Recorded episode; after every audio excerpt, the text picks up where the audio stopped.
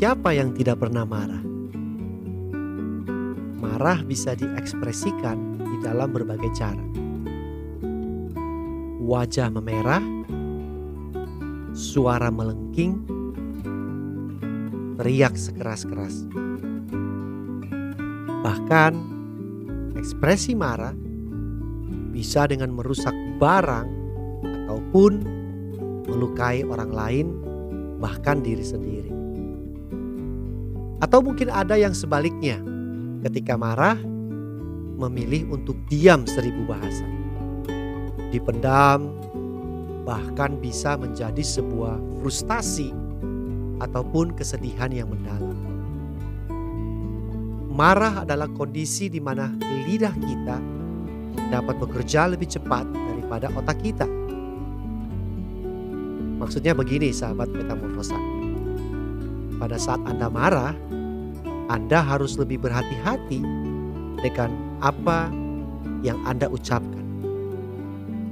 Karena ucapan Anda akan menjadi sebuah penyesalan di kemudian hari. Penyebab kemarahan bisa berbagai macam alasan.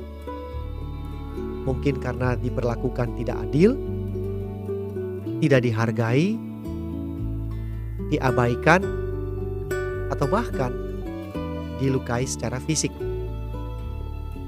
Tetapi kebanyakan marah diakibatkan oleh karena terluka secara mental dikecewakan atau dikhianati oleh orang yang kita percayai jauh lebih sakit daripada ditampar pipi secara fisik. Atau bisa juga karena kehilangan sesuatu atau seseorang lebih pedih daripada jari yang terluka karena memotong sayur misalnya. Sebuah penelitian membuktikan bahwa ketika seseorang sedang terluka secara mental maka bagian otaknya yang berhubungan dengan sensori rasa sakit akan teraktifkan sama seperti di saat terluka secara fisik. Tapi bagian otak rasa sakit ini akan bertahan lebih lama pada saat terluka secara mental. Makanya ada ungkapan lebih baik sakit gigi ada sakit hati. Karena gigi yang sakit bisa diobati atau langsung dicabut. Tapi hati yang terluka karena putus cinta tidak bisa disembuhkan dengan instan. Penolakan secara sosial memang lebih menyakitkan daripada rasa sakit secara fisik. Dan marah adalah sebuah emosi sekunder itu adalah hasil dari sebuah keterlukaan batin. Kemarahan sering menimbulkan kerugian, kehilangan, dan terputusnya sebuah jalinan komunikasi. Kita sebenarnya tidak dihukum karena kita marah, tetapi kita dihukum oleh kemarahan kita sendiri. Misalnya, nih, Karyawan yang marah besar di kantor akan dihukum oleh bosnya. Atau seorang murid di sekolah yang marah akan didisiplin oleh gurunya. Kita berpikir bahwa kemarahan kita akan dikenakan hukuman dari luar.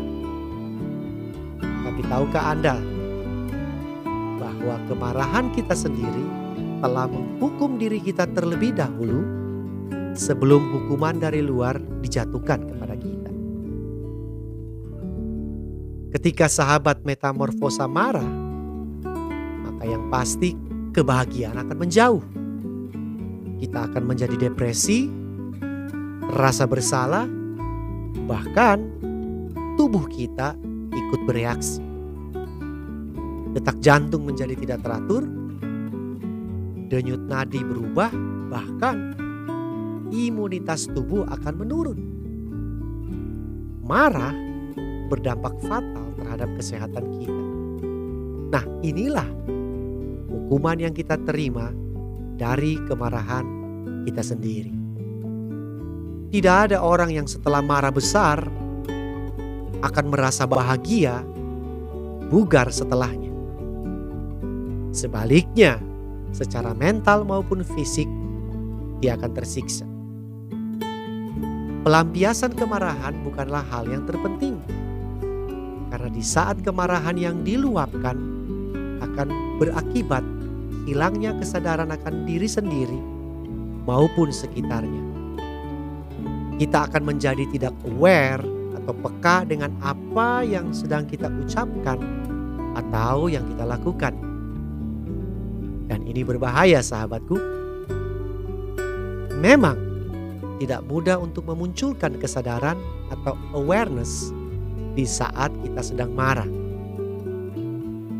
Tetapi tidak ada salahnya kan untuk berlatih tetap sadar saat marah daripada menanggung salah akibat kemarahan itu sendiri.